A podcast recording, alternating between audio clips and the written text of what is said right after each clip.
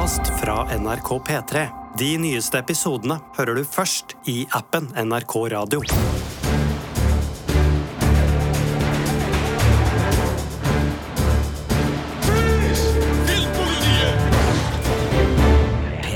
Velkommen til Filmpolitiet med Sigurd Vik, Birger Vestmo og Ingvild Dybfest Dahl.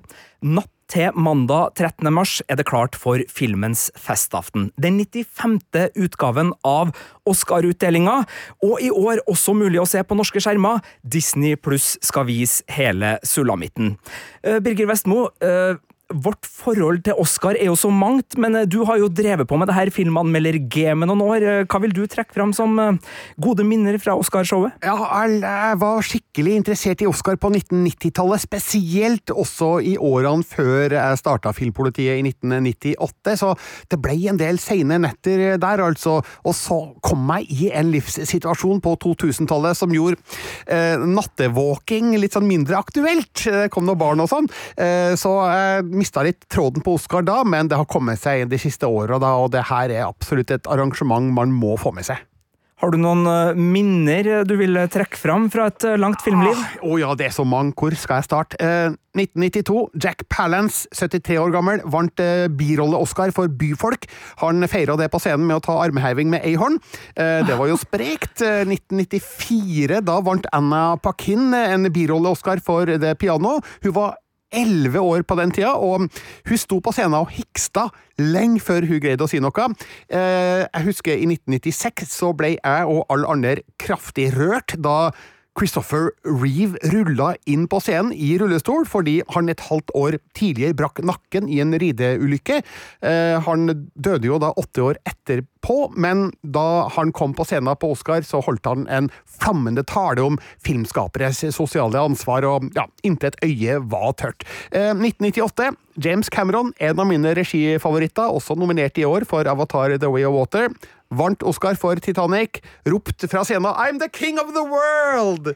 Eh, og så husker jeg i 1999, da Roberto Benigni gikk over stolryggene på vei mot scenen for å ta imot Oscar for beste utenlandske film. 'Livet er uh, herlig'. Uh, den sitter spikra på netthinna, altså. Uh, og så, på 2000-tallet, som jeg sa, ble litt mindre Oscar på meg da, men det har kommet seg de siste åra, og i 2013 var jeg med da NRK sendte Oscar-utdelinga for foreløpig siste gang, dessverre. da feira James Bond 60-årsjubileum. Det ble feira med at Shirley Bassey, den engelske legenden kom på scenen og sang Goldfinger, akkurat som hun gjorde i 1964 og med like kraftig røst så mange år etterpå. Det var imponerende. Så var det jo litt morsomt og litt trist da La La Land ble utropt som feil vinner av eh, beste film-Oscaren i 2017. Um, Moonlight vant jo da til slutt, heldigvis, også i fjor, så ja, det skjedde visst nå i fjor også, da.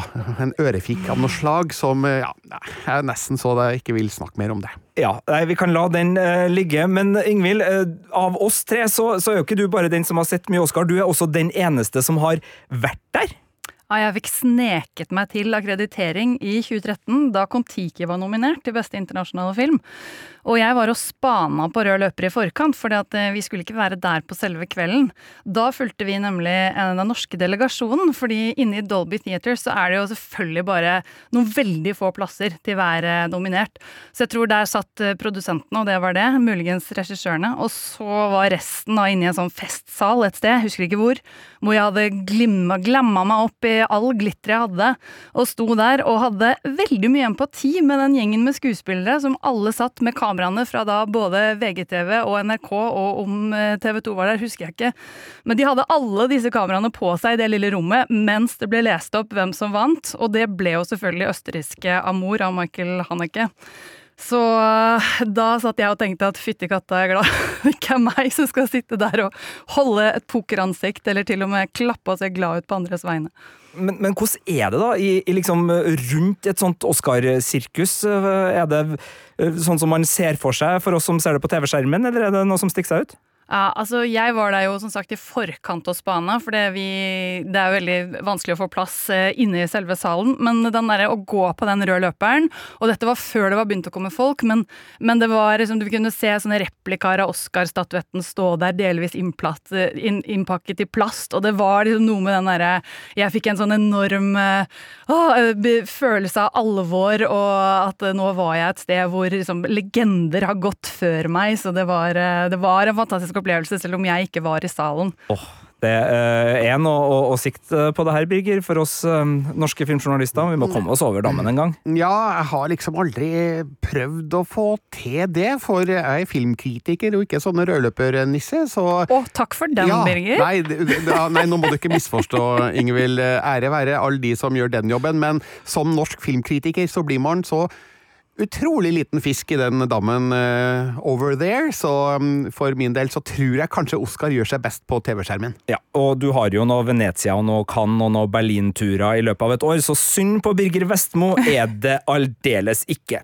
Uh, I denne podkasten skal vi ikke komme med spådommer på hvem vi tror vinner Oscar, vi skal heller komme med filmtips. Vi skal plukke ut to filmer hver blant alle de nominerte som vi har sett, og som vi har et ekstra godt forhold til, og som vi har lyst til å si til dere, sjekk ut den her Oscar-nominerte filmen da.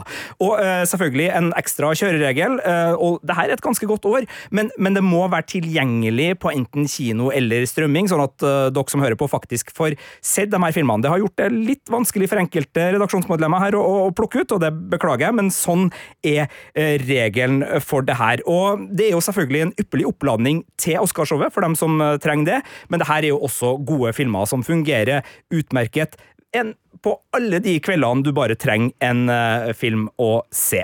Birger, du skal få begynne denne um, filmtipsbonanzaen. Uh, hvor skal vi reise på første film? Jeg syns vi skal starte med det jeg mente var fjorårets eh, nest beste film. Den kom seint på året. Det er Avatar The Way of Water av James Cameron, som jeg allerede har eh, vært eh, innom her. Han har jo vært nominert en del ganger før, både for The Abyss og for Titanic og for Avatar. Nå er det altså da oppfølgeren til Avatar som er nominert til jeg får nesten si bare fire Oscar-priser. Eh, hadde jo syntes at den hadde fortjent eh, noen flere nominasjoner, for vi snakker jo om en av fjorårets desidert største filmer, eller den største filmen. Eh, den er nominert da for beste lyd, beste visuelle effekter, beste produksjonsdesign og den gjeveste, da, Best Motion Picture of the Year. Men for meg så er det nesten litt flaut at James Cameron ikke er nominert for beste regi her. Eh, for um, det er ingen andre enn han som kan lage en sånn film.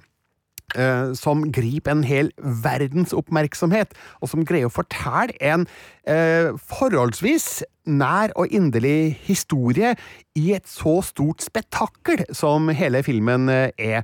Så jeg tenker at her bør akademiet gå i seg sjøl, og så bør de kanskje gi James Cameron en, ja, en ekstra ærespris da, for at han redda hele kinobransjen i 2022. Eh, I, i tospann med Tom Cruise, da, får vi nesten si.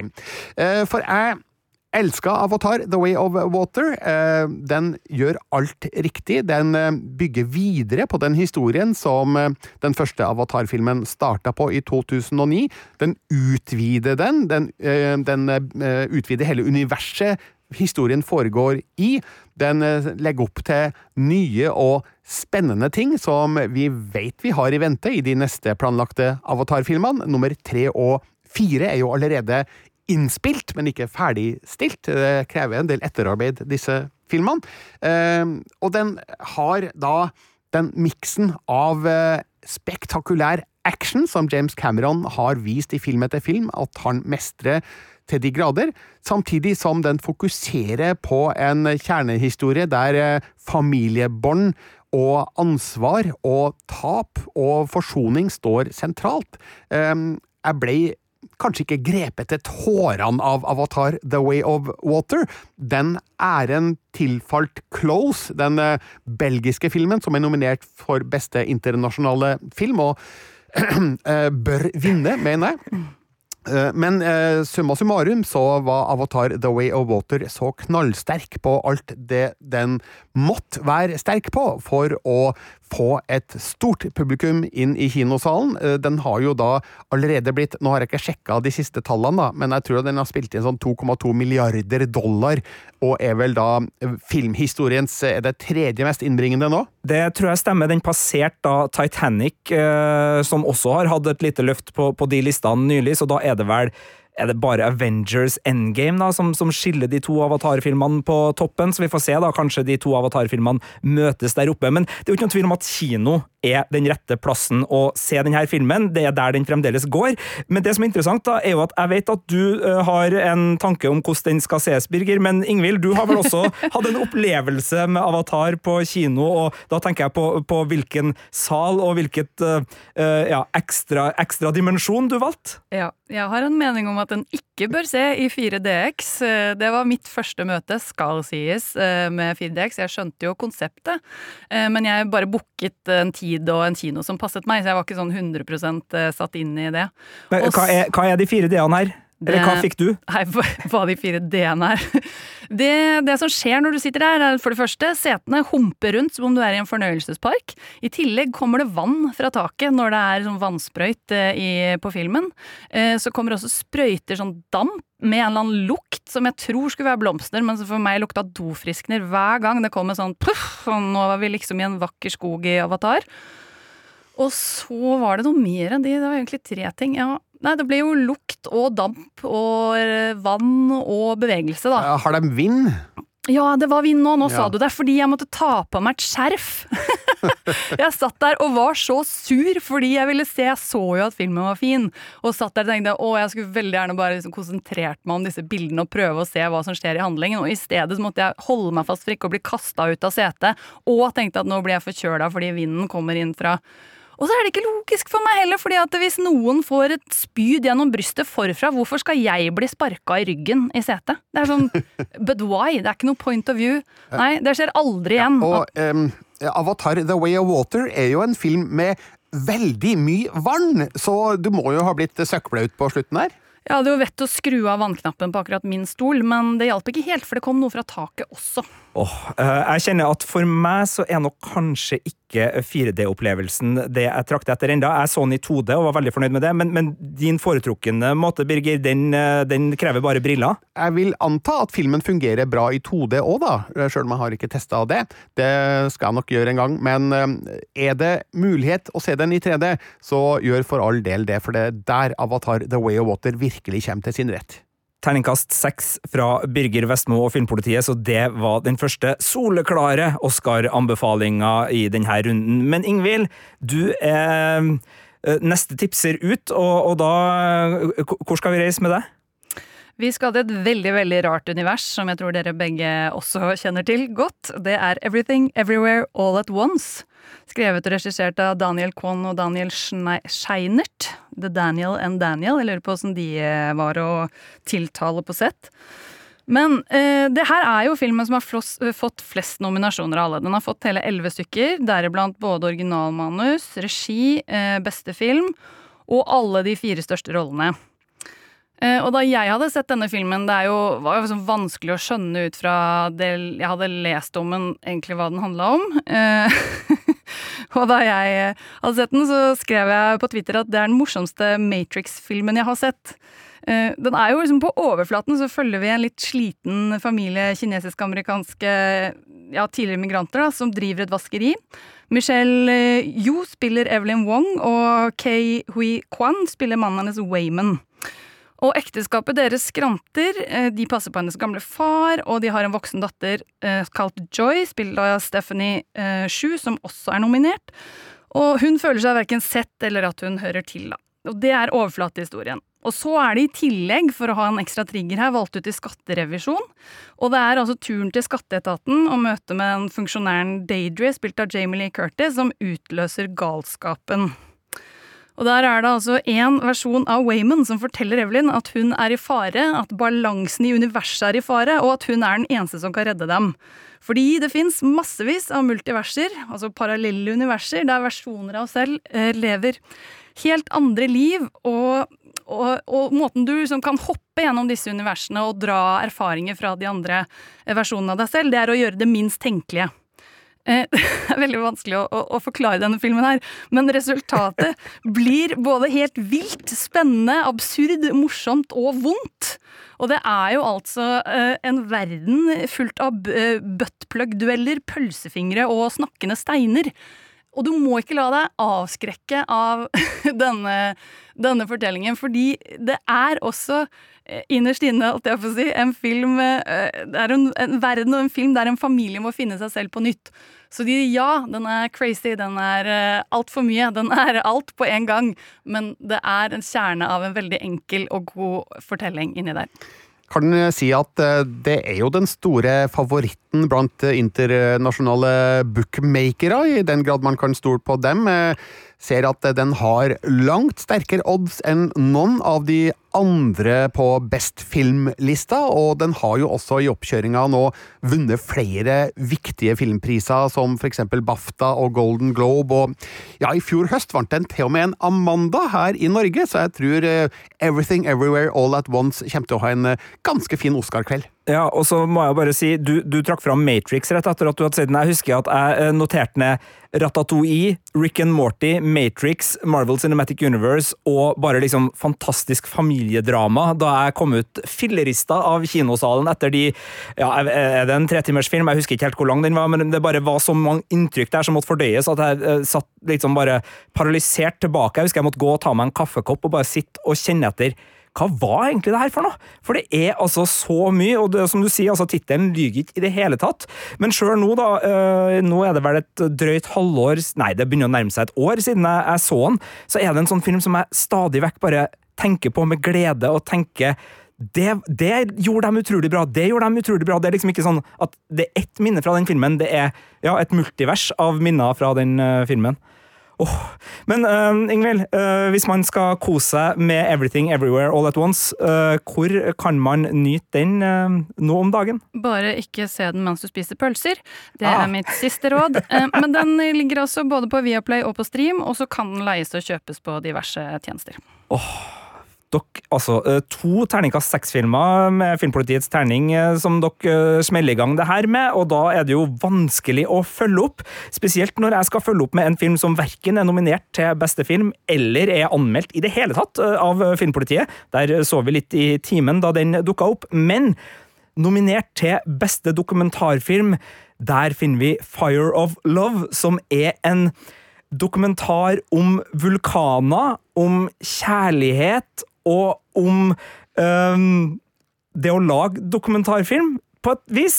Altså, Den følger uh, vulkanologekteparet Katja og Maurice Kraft, som var pionerer innenfor både forskning og dokumentering på dokumentarfilm da, av vulkaner på 60-tallet, 70-tallet, 80-tallet og så vidt 90-tallet. Uh, kan avsløre, siden det her er en dokumentarfilm, og det avsløres ganske tidlig i filmen også, de har uh, de, de opp opplever livets slutt eh, innenfor det feltet de elsker, en gang på, på 90-tallet.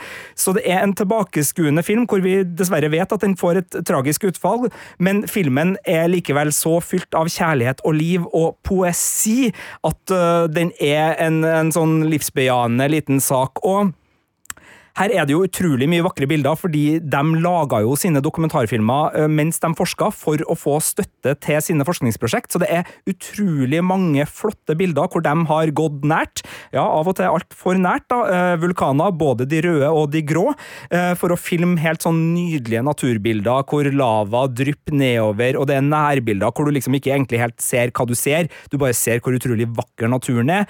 Og så er det også da historiske hendelser her, med Mount St. St. Helen-utbruddet i 1980, blant annet, som er et sånt uh, stort, tragisk utbrudd, og som viser også hvordan deres forskning var med å skape uh, beredskapsrutiner, og hvordan man skjønner vulkaner bedre, spesielt da de, de grå vulkanene, som er de som plutselig uh, bryter opp, som, som er de mest dødelige og, og de, de, farligste her. Så, så, den biten for alle som er naturinteressert, og som det er jo National Geographic som, som har det her, altså alle som, som liker den biten, får selvfølgelig pakka si, men så er det da historier om det her ekteparet som starter eksisterte i studentmiljøet på 60-tallet i Strasbourg, og som bare er så fullt av uh, herlig humør, og uh, de er jo noen, noen typer begge to, og, og deres kjekling, deres ulike roller i ekteskapet. Den fornuftige, den dumdristige, den, den uh, rasjonelle, den nysgjerrige. Altså, det, det, er et sånt herlig spenn da, som driver deg framover. Og her kommer også for oss filmglade folk uh, Life Aquatic with Steve Sissu, altså Livet under man, vann med Steve Sissu, altså filmen til West Anderson inn. Fordi den uh, tar jo for seg en litt sånn fiktiv utgave av Jacques Yves Cousteau, som var da en sånn pioner dokumentarfilmskaper som som holdt på under vann.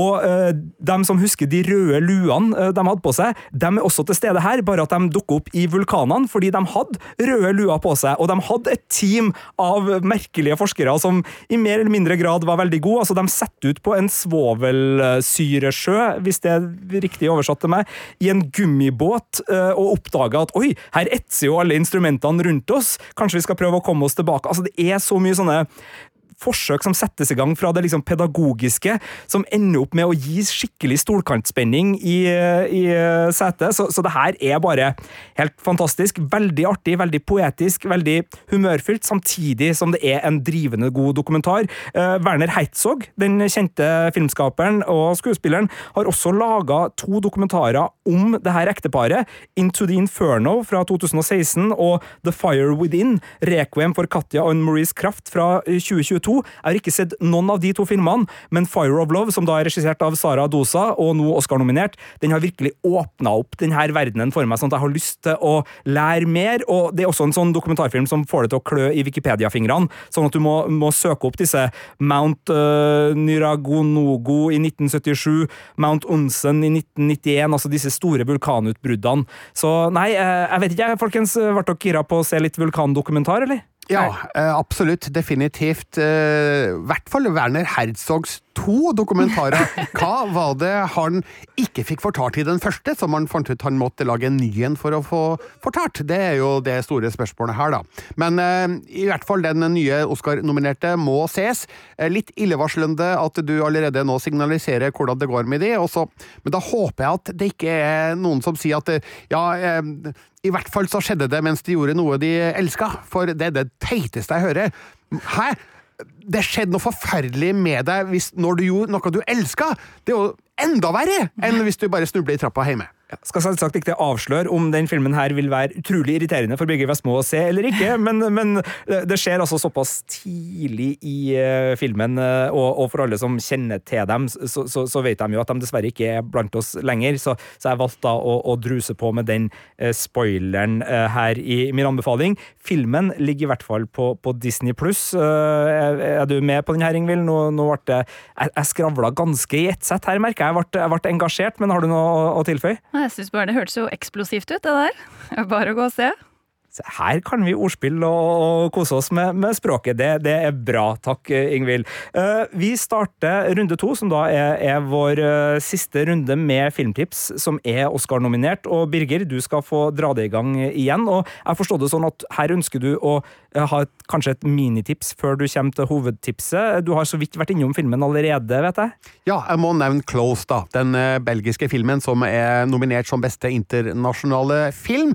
Den den satte jeg helt på topp over lista i fjor. Altså de beste filmene jeg så i 2022. Uh, eh, en film som virkelig greip meg hardt og brutalt. En sår, vond, vakker film om to unge gutter og deres vennskap som endrer karakter etter en hendelse med Eh, katastrofale resultater. Utrolig godt skuespill eh, i de to hovedrollene. Eh, de kunne godt ha blitt nominert, de også, til et eller annet, men vel, det er jo vanskelig for internasjonale filmer å få innpass på Oscar. Det er som regel plass til én i året, og ja, det er en viss tysk film som har eh, tatt alt i år. Eh, men eh, Close den er virkelig anbefalt hvis man er i humør til å se en film som river i hjertet ditt. Den er dessverre ikke mulig å se eh, på kino eller på strømming akkurat nå. Den er sånn midt mellom kinorelease og digital utgivelse, så ja, Det er derfor du har fått stryk på den her. Du kom håpefull, store ja. øyne og, og, liksom 'Jeg har med Close! Ja. Fjorårets beste film!' Og jeg, jeg bare Nei, Birgit, den Men, går ikke nok på kino til at du får ta den med. Jeg har en veldig god i reserve, som fremdeles går på kino i mange store byer, og den kommer til Disney pluss mandag 13. mars. Og da snakker jeg om The Banshees of Inisherin, som jeg så første gang på filmfestivalen i Venezia i fjor høst. Jeg så den om igjen rett før den fikk premiere senere på året, og jeg fikk bare konstatert at ja, jeg hadde rett den første gangen. Det her er en fantastisk fin film. Den er, den er morsom, den er søt, sjarmerende og underholdende. Samtidig så er den ganske mørk og sørgmodig og melankolsk også. Og jeg syns regissøren Martin McDonagh greier å holde balansen mellom de her ytterpunktene utrolig godt, og det kanskje først og fremst på grunn av hvem han har med seg i hovedrollene, for det er da Colin Farrell og Brendan Gleeson, og de to har eh, spilt mot hverandre før, i Martin McDonaghs eh, debutfilm Undercover i Brygge, eller In Bruges som den heter originalt, da, som kom i 2008. Og den så jeg da for første gang nå i høst, etter at jeg så Banshees i Venezia. Eh, før den hadde norgespremiere, fant jeg ut at nei, nå må jeg faktisk fylle det hølet i filmhistorien min her eh, se Undercover i brygget. Og det viste seg jo å være en fantastisk god film, da, der samspillet mellom Farrell og Gleeson er minst like godt som det er i Banshees of Inisherin. Men i den nye filmen så handler det altså om to kamerater på ei irsk øy um, i 1923 Eh, det vil si, når filmen settes i gang, så skjønner vi at eh, Brendan Gleesons eh, figur ikke lenger vil være kompis med Colin Farrells figur. Men hvorfor er det ingen som veit, og Colin Farrells figur skjønner jo ingenting av det her. Prøver vi å komme til bunns i saken og spør Brendan Gleesons figur om hva er det som har skjedd, har jeg sagt noe, har jeg gjort noe, har vi, har vi krangla i fylla? Er det noe jeg ikke husker som har foregått her, men eh, så nekter Brendan Gleesons eh, figur å si noe om det her. Jeg kan kanskje si at Colin Farrells figur heter Patrick, og, og Brendan Gleesons heter Colm. Eh, Colm blir etter hvert ganske bøs på Padricks eh, stadige forsøk på å komme til bunns i det her. Han vil bare være i fred, og begynner å true med at hvis han ikke lar han være i fred nå, så begynner han å kutte fingrene av seg. Eh, og det virker jo som en forholdsvis uh, sjuk ting å true med, da, og ingen har jo nå trua på at han kommer til å gjøre alvor av det. Uh, så um, kan det vel kanskje sies at uh, det skjer ting senere i filmen som får konsekvenser på både det ene og det andre området. Så det her er en film som kan oppfattes litt eh, i overkant morbid for noen, og litt kanskje overdreven i sine virkemidler, men samtidig så er filmen såpass humørfylt og eh, litt skråblikkaktig, sånn at jeg kjøper det, jeg godtar det, og syns at eh, det ikke blir overdrevent, eh, fordi det passer inn i filmens eh, overhengende kontekst, det som skjer mellom Padrick og Colm det er jo flere folk som utmerker seg her. Altså, det er Barry Keegan i rollen som eh, Dominic, en bygdeoriginal med en litt vanskelig familiesituasjon. Han er også Oscar-nominert. Det samme gjelder da søstera til Patrick i filmen, som spilles av Carrie Condon, som er litt mer sånn rotfesta og eh, ja, stø, stødig figur. Eh, mer enn bror sin, i hvert fall, da. Eh, som blir satt i en litt kinkig posisjon da i løpet av filmen. Og det er flere andre rikholdige personligheter i persongalleriet som fargelegger historien på hver sin måte, og gjør The Banshees of Inisherin til en virkelig særegen filmopplevelse som jeg storkoste meg med både den første og den andre gangen, og jeg tror at det er en film som rettferdiggjør jevnlige gjensyn, egentlig. Om den kommer til å vinne noen Oscar-priser? Litt usikker på det. Uh, Carrie Condon vant jo BAFTA i England, men om hun også vinner en amerikansk Oscar for sin birolle, gjenstår å, å se, men uh, det er kanskje der, eventuelt på manussida, at uh, The Banshees of Inisherin kanskje har de største Oscar-sjansene. Så den går på kino, altså, i flere store byer, og så kommer den som sagt på Disney Pluss da på mandag 13. mars. Litt eh, Oscarspådom uh, krydra de her tipsene likevel, så jeg tok litt eh, feil i innledninga her, men vi, det blir spennende å se, Birger. Det er mulig at du får rett i, i dine spådommer, men Ingvild, du skal til en film som også har i hvert fall rikelig med muligheter til å vinne Oscar. En film som ikke ikke dukka opp på kino i Norge, men som kom rett på strømming, og som jeg ble litt overraska over at plutselig var en så stor film som det viste seg at det var, men det er vel da fordi det er en sabla god film? Ja, jeg var skeptisk, da, fordi jeg så bare tittelen 'Intet nytt fra vestfronten'. Og da tenkte jeg åh, oh, den er filmatisert før. Eh, typisk et, eh, fra en bok alle kjenner til. Bortsett fra at jeg ikke har lest den, selvfølgelig. Ja, en bok jeg burde ha lest, sikkert. I likhet med et par andre der ute. Men den tyske 'Intet nytt fra vestfronten' har fått ni nominasjoner, deriblant beste film, beste internasjonale film, beste adapterte manus og beste foto.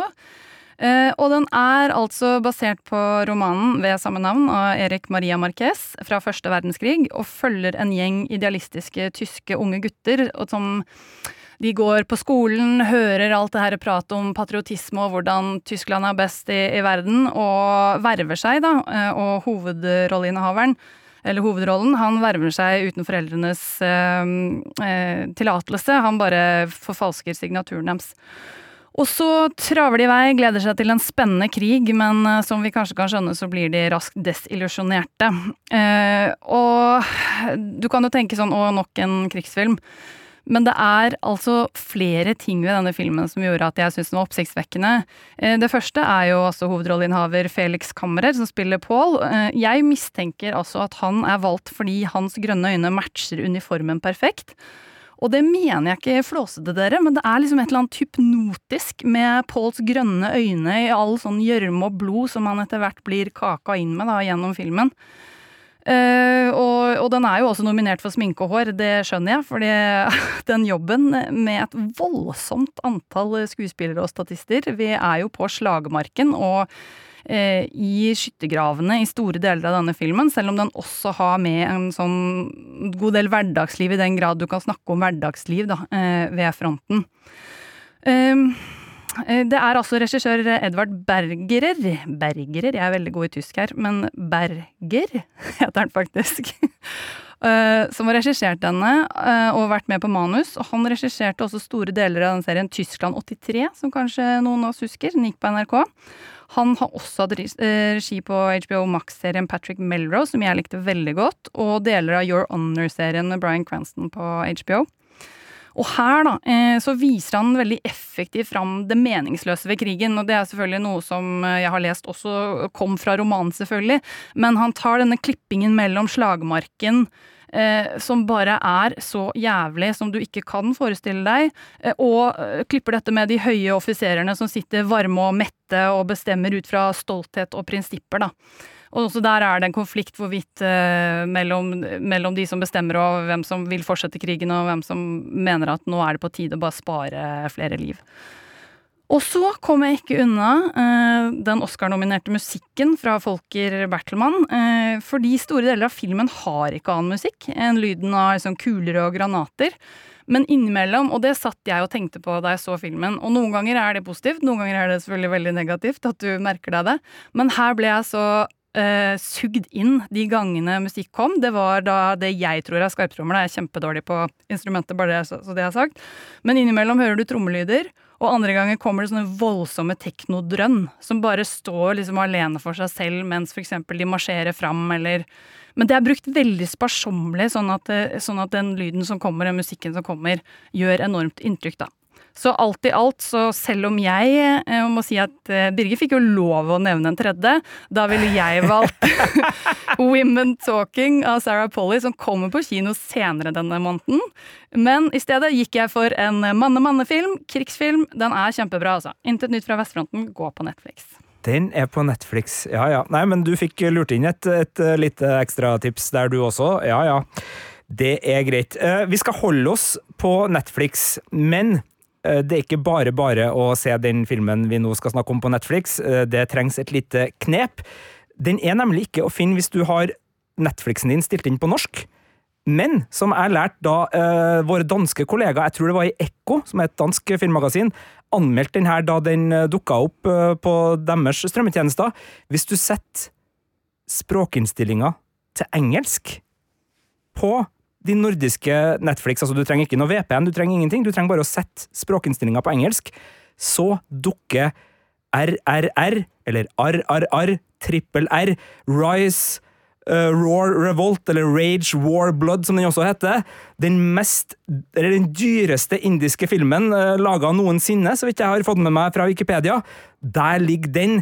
Den er nominert til Oscar for beste låt, så her er vi ute i, i ytterkanten av de, de, store kategoriene, men det er litt av ei låt fra litt av ei scene i den her episke, historiske dramafilmen som jeg øh, Altså ble blåst av banen av. Det her er helt ellevilt. Det er vel så mye superheltfilm som historisk drama, men den kombinerer det, og her er det så mye stiliserte actionsekvenser som involverer både hester, motorsykler, tigre, ulver, hjorter, enorme slagsmål, episke scener og uh, noen uh, bruk av slow motion som virkelig bare får det til å sitre av glede i filmmuskulaturen min. Det her er en sværing, og det her er da en, en film som uh, ja, eh, er oppi der sammen med Avatar, eh, The Way of Water eh, og Top Gun og de andre store når det gjelder det å være spektakulær i, i årets Oscar-sammenheng. Den er ikke laga i Bollywood, den er laga i Tollywood. Det her, det her er Telugu Cinema. Den er da basert veldig løst på to indiske frihetskjempere som levde på starten av 1900-tallet, og da prøver jeg meg på, på uttalen her. altså Uh, Aluri Sita Rama Raju og Komaram Beam. Uh, de to er her uh, laga i en sånn historisk uh, fantasiverden hvor de møtes, og det er deres reise, deres vennskap, deres kamper vi får da i drøye tre timer i Trippel R, som da setter de to opp på starten av 1900-tallet, opp mot det britiske imperiet som da har kolonisert og undertrykt befolkninga her. Så det er en veldig tydelig skurk, som eh, er veldig karikert. Altså, de britiske soldatene her, dem eh, får du lett øye på som eh, rimelig grusomme mennesker. Stort sett, det er selvfølgelig noen unntak. Og måten de får sin comeuppins uh, er meget underholdende å se, og det er jo her superheltsjangeren gjør seg gjeldende. Ikke at det her blir superhelter i bokstavelig form, men i måten de slåss på, i måten de går til angrep og, og alt sånn, så, så er det det er ikke realistisk i det hele tatt. Og det er noen scener her som har uh, kommet på, på, på, sosiale medier, blant annet ei scene fra ei bru, hvor en uh, hest og en motorsykkel kjøres mot hverandre. Det er tau involvert, og det er uh, så mye som foregår i en redningsaksjon fra et lite barn da, som står i et flammende inferno under denne brua. Altså, det er så inspirerende å, å, å se, fordi her har fantasien bare fått full løyve til å gå bananas. Ja, RRR har faktisk gått på kino i Norge, men eh, kun i Oslo, som har en del eh, Bollywood og også da Tollywood-visninger. Så resten av landet har ikke hatt den muligheten, men eh, nå, nå har vi det da tydeligvis på, på Netflix. Men man må da skru menyen til engelsk for å se den der. og hadde vært gøy å eksperimentere litt med det og finne ut uh, hvor mye annet er det vi finner på Netflix da, som vi ikke finner med norsk menyinnstilling. har har ikke tid til å sove dere hvis vi går den veien. Nei, men jeg, men jeg, jeg begynte å tenke, og jeg leita litt, men, men, alle de titlene jeg liksom tok en sånn uh, sjekk på, er jo selvfølgelig på begge plasser, men det var for at jeg ikke klarte å tenke kreativt nok til å finne ut hva er det som kanskje kan ligge på engelskspråklig Netflix, men da var i hvert fall det tipset uh, delt ut. Det var seks filmtips uh, som, uavhengig om du skal se Oscar eller ikke, uh, er bare gode filmtips fra oss i Filmpolitiet. Men det er klart, det ligger en Oscar-utdeling på nær horisont, og for første gang da, siden 2015 så er den mulig å se i Norge. Altså uh, TV6, hvis dere husker den lineære TV-kanalen som var TV3-affiliert. de visste Oscar-utdelinga i 2015 og i 2014. 2013 det var det NRK som hadde. men fra 2016 og til og med i fjor da, så har det ikke vært noen norske som har vist det. Du har kunnet sett det via svensk TV4 ofte, eller eventuelt dansk TV2, men det har liksom vært mulighetene. Så nå som vi endelig har fått tilbake Oscar på en eh, norsk skjerm, jeg tror det starter halv ett natt til mandag 13. Uh, mars, uh, denne sendinga på, på strømmetjenesten uh, Disney pluss, så har man da muligheten. Og det store spørsmålet som da er nysgjerrig på, både når det gjelder redaksjonen her, men også dere der ute, er jo skal folk se Oscarshowet 2023. Skal de holde seg våken? Vi har en avstemningsmulighet i appen NRK Radio, så hvis du går inn der nå, så kan du gi oss beskjed. Skal du se Oscar, eller skal du ikke se Oscar nå som det er tilbake på norske skjermer? Og det spørsmålet går selvfølgelig også til dere to. Ingvild, skal du se Oscar nå som eh, Disney Pluss gir deg muligheten? Jeg har veldig lyst, men jeg må, jeg må vente og se hvor trøtt jeg er når uh, søndagen kommer. Åh, Birger? Ja, nå er det sånn at jeg i mange år har sagt i forkant at eh, nei, jeg, vi får se, fordi jeg må jo faktisk jobbe dagen etter ganske tidlig, og jeg er ikke sikker på om jeg må, jeg må kanskje legge meg til å sove, også, men så blir det ja allikevel.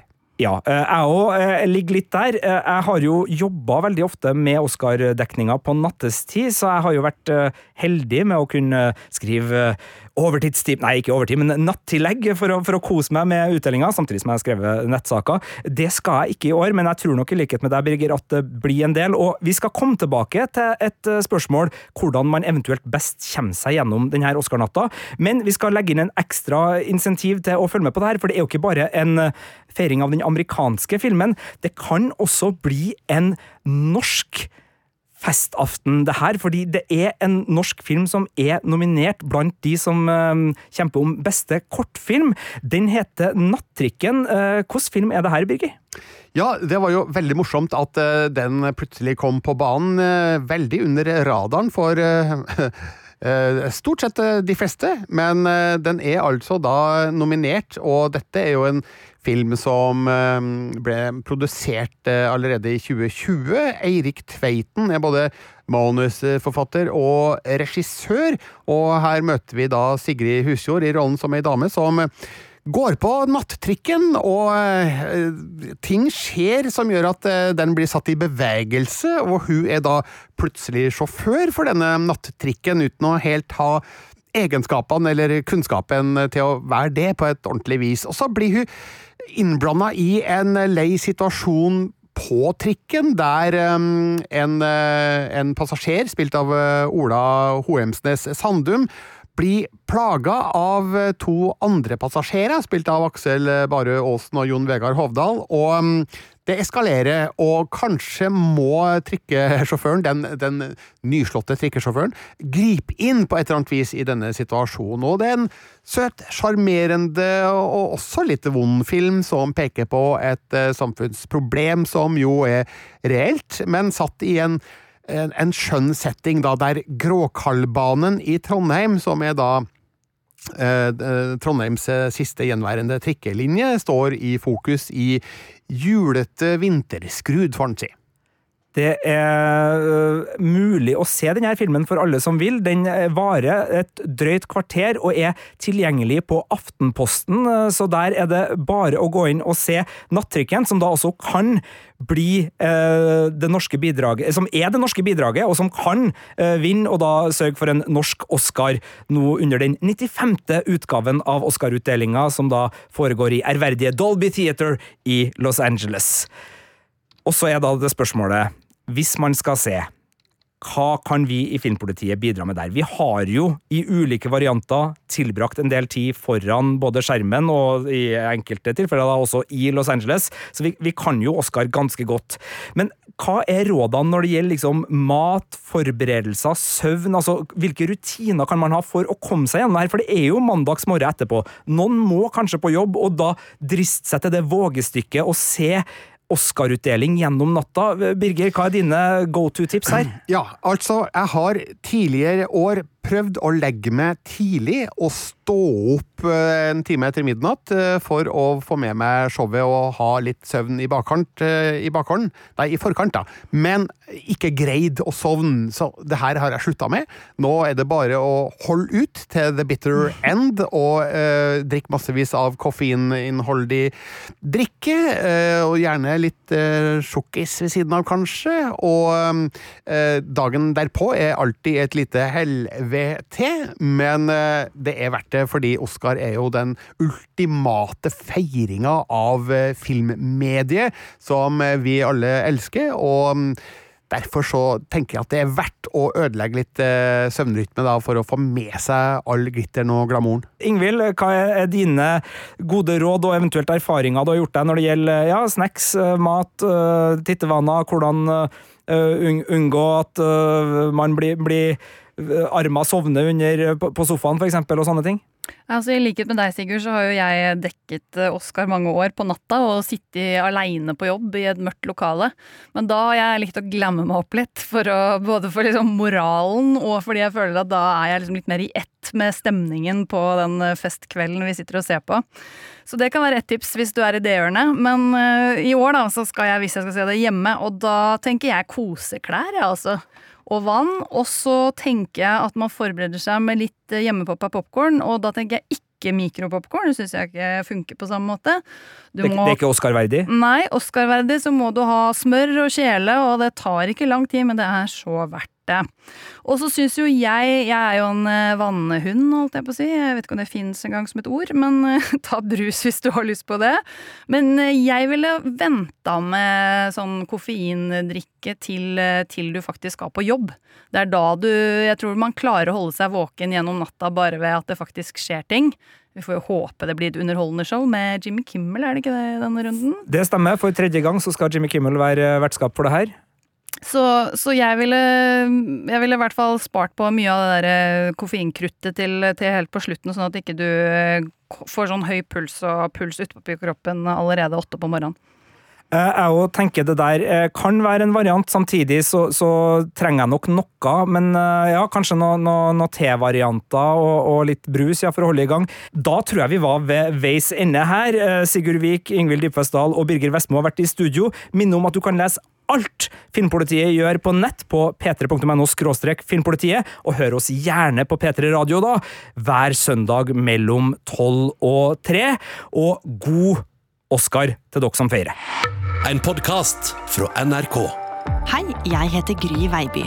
Føler du som meg at ting av og til går for fort? At du ikke helt får med deg det som skjer i nyhetsbildet? Da syns jeg at du skal høre på Oppdatert. Vi gir deg rett og slett det du trenger for å henge med. Ja, en slags snarvei til peiling. Hør alt fra Oppdatert kun i appen NRK Radio.